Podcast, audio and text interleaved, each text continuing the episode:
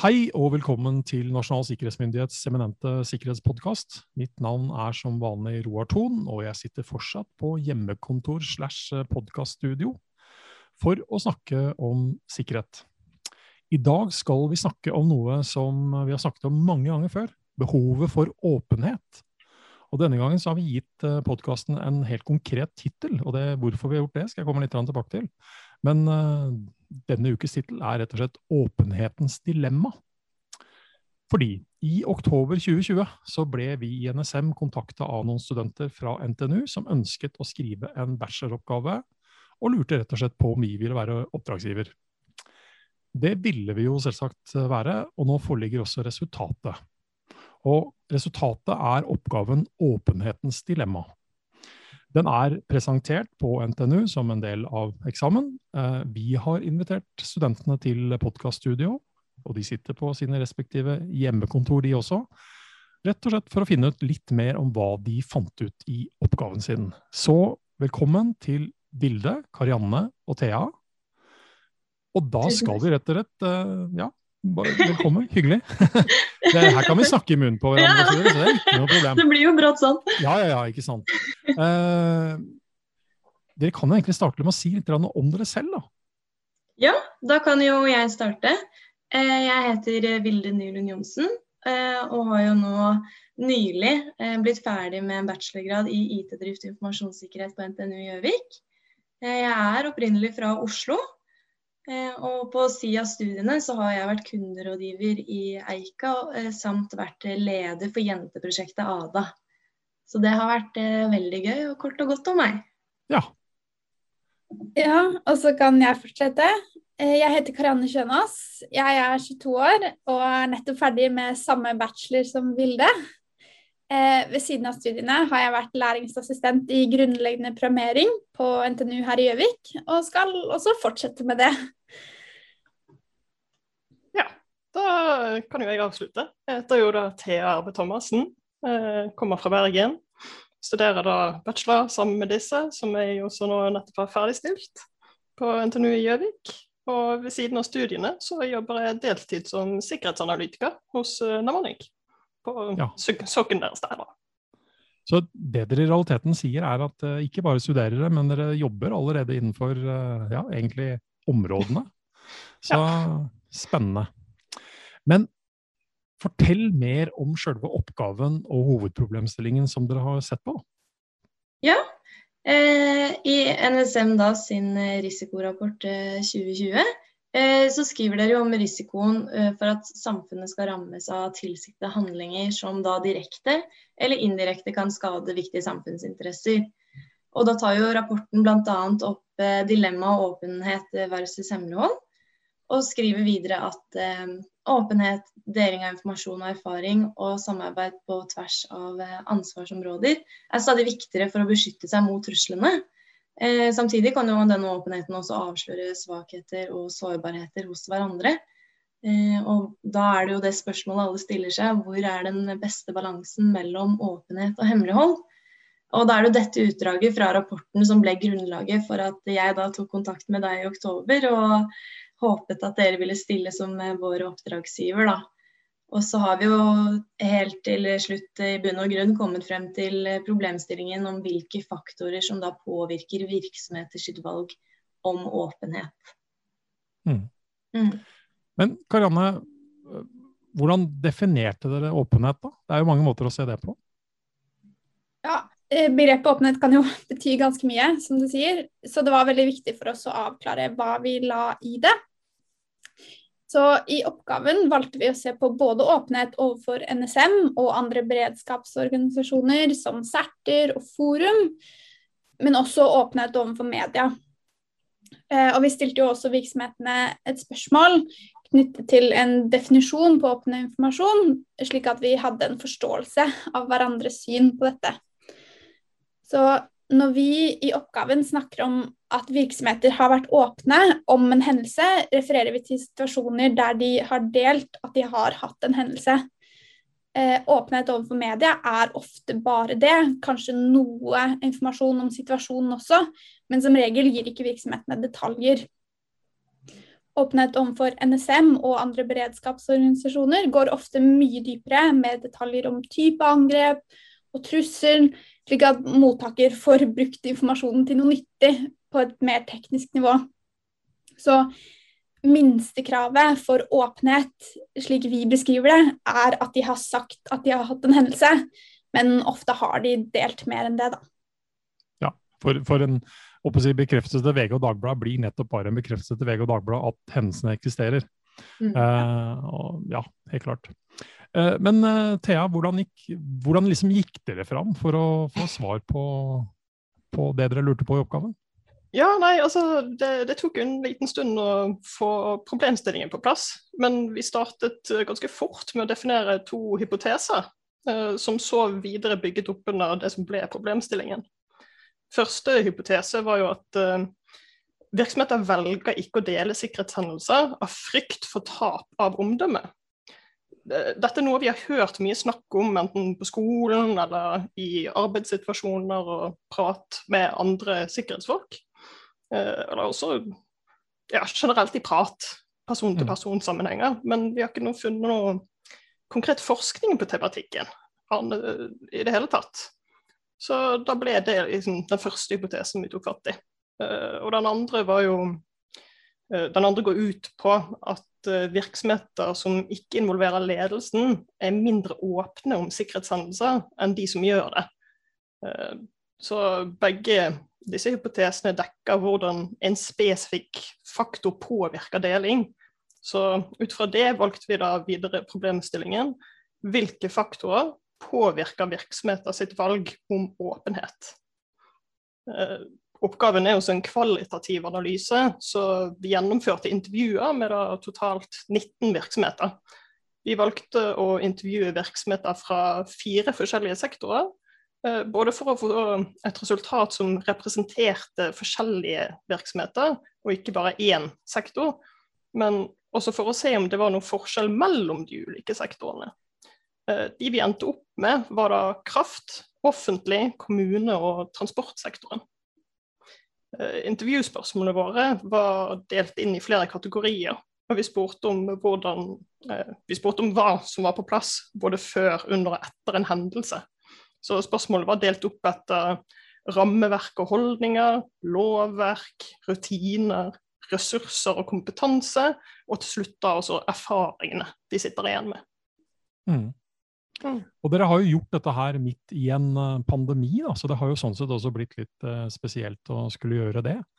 Uh, mm. Så Ville, hvordan ble dere mottatt når dere spurte virksomheten om informasjon som jo nesten er litt sånn Har dere vært åpne, har dere ikke vært åpne? Ja, eh, nei, altså vi ble tatt imot eh, utrolig godt. Eh, og det var en veldig god følelse, da. Eh, vi fikk mange positive svar, eh, og flere som sa da av de virksomhetene eh, at spørsmålene fikk de til å tenke over hva de selv gjorde, og hvordan kulturen var i deres virksomhet. og folk delte så mange spennende historier om hendelser og øvelser og det ble en skikkelig god samtale hver gang. Veldig interessant og veldig spennende å høre på for oss. Vi merket veldig at dette var folk som liker det de jobber med, og som bryr seg om sikkerhet. Eh, de ga også mange detaljer. Eh, flere av spørsmålene kan man jo bare svare nei, ja, nei på. Eh, men de ga oss alltid en forklaring eller en ekstra kommentar rundt spørsmålene, slik at vi også satt med et større bilde da, Eh, det hjalp oss veldig når vi skulle skrive resultat og diskusjon, for da fikk vi til å få frem flere nyanser i svarene.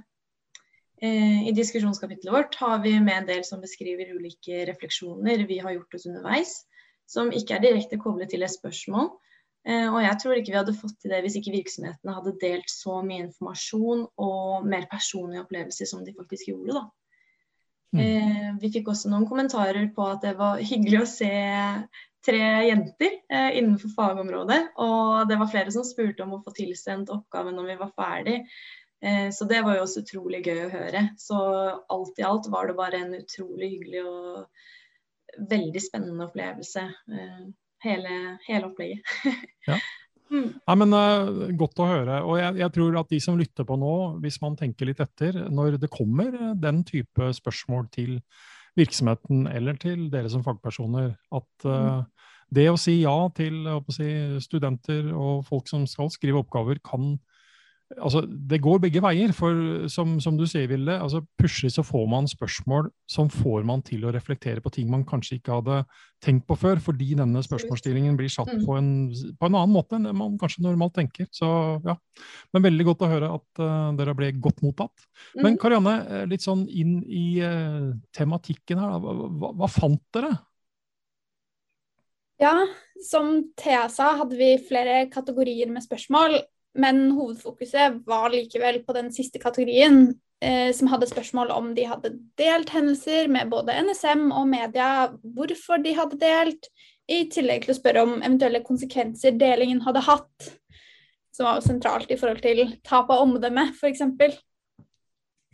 Eh, av de 19 virksomhetene vi intervjua, hadde de fleste hatt en stor eller mellomstor hendelse. Det var bare fire som ikke hadde hatt det. Ni stykker hadde hatt minst én hendelse de ikke delte utenfor virksomheten. Eh, men der svarte de fleste at de ikke delte fordi de så ikke hvordan det kunne være relevant for ja, f.eks. NSM. Ofte type phishing, små hendelser som ikke fikk noen konsekvenser. Eh, ti stykker hadde delt minst en hendelse med NSM eller CERT, ofte mye kraft-CERT eh, eller lignende. Mm. Både for å få hjelp til å håndtere hendelsen, men også for å hjelpe andre virksomheter beskytte seg mot samme type angrep. Eh, ni av virksomhetene har også vært ute i media med eh, minst én hendelse. Eh, her svarte virksomhetene at de først og fremst deler det som går utover kunder, eventuelt i situasjoner der de vet media kommer til å finne ut av det. Eh, og da er det greit å ha kontroll på situasjonen. De deler naturligvis også i situasjoner hvor de er lovpålagt til å gjøre det. Kanskje spesielt hendelser relatert til personvern, for der er det mye med personvernloven. De eneste som hadde opplevd noen negative konsekvenser knyttet til å dele, var to virksomheter som hadde måttet gått ut i ettertid eh, på å rette feilinformasjon fra media. Altså at media har tolket feil og sier noe som ikke er sant om hendelsen, og de da må rette på denne informasjonen. Så frustrasjon over medias manglende kompetanse på sikkerhet eh, gikk igjen hos flere. Her ble hendelsen på Stortinget i forbindelse med Microsoft Exchange-sårbarheten trukket frem spesielt hvor intervjuobjektene hadde reagert da det ble spurt om det var flaut at Stortinget ble hacket igjen. For det viser jo at journalistene kanskje ikke helt skjønner situasjonen. Så en mulig løsning vi foreslår på dette, kan være å bruke journalister med kompetanse innen teknologi i slike situasjoner. Fordi media har en viktig rolle for befolkningen og et ansvar for å gi de informasjonen de eh, leter etter. Men det er ganske uheldig for virksomhetene da, når misforståelser og feil informasjon som de må rette på, blir spredt. Ja, og det, altså, til det siste så kan man jo egentlig si mye. Eh, eh, det er jo sjelden at virksomhetene selv kan styre hvem journalister som får oppgave med å skrive om dem, for å si det på den måten. Så det i seg selv er en utfordring. Eh, men, men, igjen så er vi litt tilbake til at uh, dette er jo Vi driver jo voksenopplæring, veldig mange av oss, på, på, på veldig mange forskjellige plan. Uh, og jo flere hendelser, jo flere muligheter til å faktisk da informere om det på en riktig måte, og kanskje skape et bedre situasjonsbilde av hva som faktisk skjer. At det ikke er så sensasjonelt at en virksomhet blir forsøkt f.eks. For å bli hacket, eh, som det noen gang kan virke når man leser overskrifter. Så mm. her er det nok eh, igjen eh, faktisk fortsatt deling og dialog, og, og, og, skape enda bedre forståelse av situasjonen. Og så skal man kanskje aldri forvente at folk flest eller, eller, journalister eller andre f.eks. tar det samme studiet som, det, som, dere har vært igjennom. Uh, så, så vil alltid være ting der. Um, men hvilke faktorer var det som liksom utheva seg på å rett og slett avgjøre om man delte eller ikke delte, da, Vilde? Ja, altså, Vi kom jo frem til fire hovedårsaker for å dele eller ikke dele, som går igjen hos de fleste virksomhetene i alle sektorene. Hva virksomhetene opplever som relevant, både for beredskapsorganisasjoner og media, har veldig mye å si. De fleste vil ikke dele hvis de ikke føler at informasjonen er nyttig for andre. Lovverk derimot har også mye å si, først og fremst for rapportering til ulike direktorater. Men offentlighetsloven f.eks. har direkte ført til at virksomheter sine hendelser har havnet i media. Da. Eh, også ønsket om å få hjelp er kanskje den eh, faktoren som fører til mest deling med NSM og beredskapsorganisasjoner. Fordi disse kan tilby en del hjelpefunksjoner da, rundt eh, organisatorisk og teknisk hendelseshåndtering. Eh, til slutt har vi, om, eh, har vi ønske om å hjelpe, eh, som da virksomhetene peker frem. og som gjør at de også da deler med både NSM, ulike serter og lignende, samt media. Eh, det var ingen som trakk fram frykt for tap av omdømme som årsak for å ikke dele. Eh, så den hypotesen kan vi jo sånn sett ikke avkrefte, eh, i hvert fall i vår undersøkelse. Mm. I forhold til den andre hypotesen om involvering av ledelse kan vi egentlig ikke konkludere noe, fordi alle virksomhetene vi intervjua, inkluderte jo ledelsen i de ulike hendelsene. Eh, enten gjennom håndtering eller da i valget om å være åpne eller ikke. Mm. Men eh, jeg syns jo det er interessante ting dere trekker fram der. Både dette med, dette med omdømme i seg selv, som, som, jo har blitt en slags en sånn oppløst sannhet, men som i hvert fall jeg og sikkert en del andre har følt kanskje ikke har stemt helt. Fordi omdømmet skades av kanskje av helt andre ting i sånne situasjoner. Uh, ja. Men uh, dette med dette med å, at man kanskje virker som at man forstår at man ikke er i denne båten aleine. At man er der sammen med andre. Og det å dele informasjon både er en fordel for seg selv, men også at det gagner andre, tror jeg er en viktig på mange måter uh, konklusjon å ta med seg videre. Da. Og faktisk også, hvis man tenker på at for, for vår del, eh, som oppdragsgiver for en sånn oppgave, så har det jo vært interessant å se på ja, det dere har funnet, og hvordan kan vi bruke det til å stimulere og motivere til enda mer deling? Eh, som ikke bare igjen gagner oss, men som gagner altså helhetsbildet når det gjelder sikkerhet. Mm. Men hovedkonklusjonen, da, Thea, hva, hva er den? Ja, eh, du spør jo godt. Virksomheter i Norge samarbeider jo mye om sikkerhet. Eh, vi har faktisk kun én virksomhet som vi intervjuet som ikke samarbeider med andre. Uh, og når det kommer til deling med konkurrenter, som vi også spurte om, fikk vi et ganske klart bilde på at virksomhetene ikke ønsker å konkurrere på sikkerhet. De deler like mye med konkurrenter som med andre. Det, vi har kanskje hørt at ordet blir brukt mye det siste året, men dugnadsånden er jo stor som sådan. Uh, faktorene som påvirker deling med NSM og CERTer og andre beredskapsorganisasjoner, og deling med media varierer ganske sterkt. Men eh, det er fire hovedfaktorer der òg, da. Og det er hvor relevant virksomheten opplever at informasjonen er. Altså informasjonen som kommer ut ved deling. Eh, behovet deres for hjelp. Ønsket om å hjelpe andre. Og lovverk er de faktorene vi sitter igjen med. Mm. Og så kan du si det, til det første da, at eh, jeg forstår jo, og, og det, det, sånn bør det være, at man ikke skal nødvendigvis dele trivielle ting som alle virksomheter i realiteten blir utsatt for. Eh, det være seg phishing-forsøk osv. Og, så og det er kanskje først når, når man ser noe helt spesielt som man eh, selv mener kan være unikt, at det kan være smart å dele. Men det er også min opplevelse å være der ute at jeg snakker til grupperinger som er faktisk sammensatt med samarbeidsforum mellom faktisk det man skulle tro var bitre konkurrenter, eh, som, som, nettopp eh, er resultatet av det du sier. Eh, mm. man, man, konkurrerer ikke på sikkerhet, man erkjenner at man er i, i, samme båt, rett og slett. Så, så, jeg må ærlig talt si, som si, etter å ha hatt med dere å gjøre under, under oppgaveløsningen, at uh, her har det vært veldig mye informasjon som, som vi finner nyttig. Så, så, jeg kan egentlig bruke anledningen til å, å, be de som lytter på, å tenke på at det faktisk er mulig å være oppdragsgiver for denne type studier. Uh, for faktisk å få svar på hva man lurer litt på som organisasjon og virksomhet. Så, uh, så, så, det er faktisk noe å tenke på når man kommer over sommeren, og, eh, og, og, det begynner å bli tid for å skrive nye oppgaver igjen for de som eventuelt fortsetter å studere. Og da fører det meg over til neste spørsmål.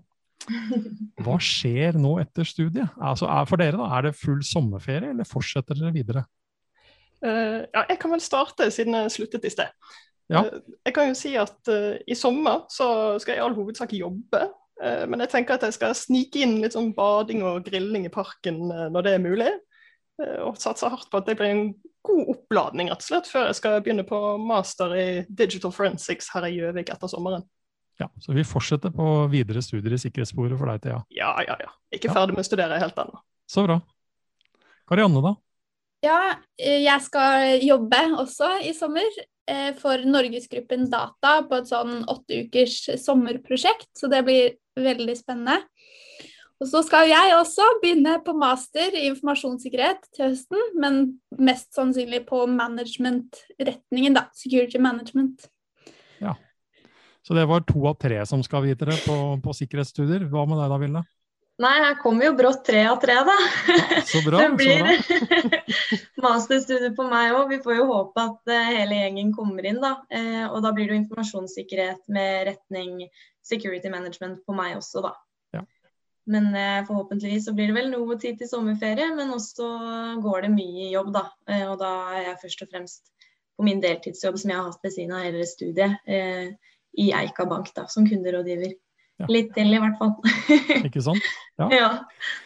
Nei, men eh, jeg kan ikke annet å ønske dere lykke til med videre studier. Uh, altså, altså, og dette har vi sagt flere ganger i andre podkastsammenhenger. De som velger denne type studieretninger, tror jeg nærmest jeg kan garantere at de trenger ikke være bekymret seg over, over arbeidsmarkedet eh, framover, for å si det på den måten. De fleste av oss har jo jobb før vi er ferdig med bacheloren. Nettopp, ikke sant. Ja. Uh, så, så, de som lytter på, kan nå bare sette i gang og begynne å konkurrere om disse uh, Ja, vi trenger flere. Helt klart. Ja. Vær så snill å komme. Vi tar imot flere med åpne armer. Åpne sant? Så det. Oppfordringen er der, da. Helt klart. Ja. Men til de Altså, jeg kan bare på vegne av NSM takke dere for, for innsatsen og for en herlig innstilling til, til dette her, og ikke minst eh, eh, også evnen til å presentere det dere faktisk har funnet. Eh, så lykke til nok en gang. Og det er jo da sånn, vi har allerede snakket om det, det er altså snart sommer, sommerferie for de aller fleste. Fortsatt en litt spesiell situasjon ved at vi kanskje ikke fullt og helt uh, er velfungerende som samfunn når det gjelder reising og hva man nå gjør. Men uh, dette er vår siste episode for uh, sommerferien. Vi kommer sterkt tilbake til høsten.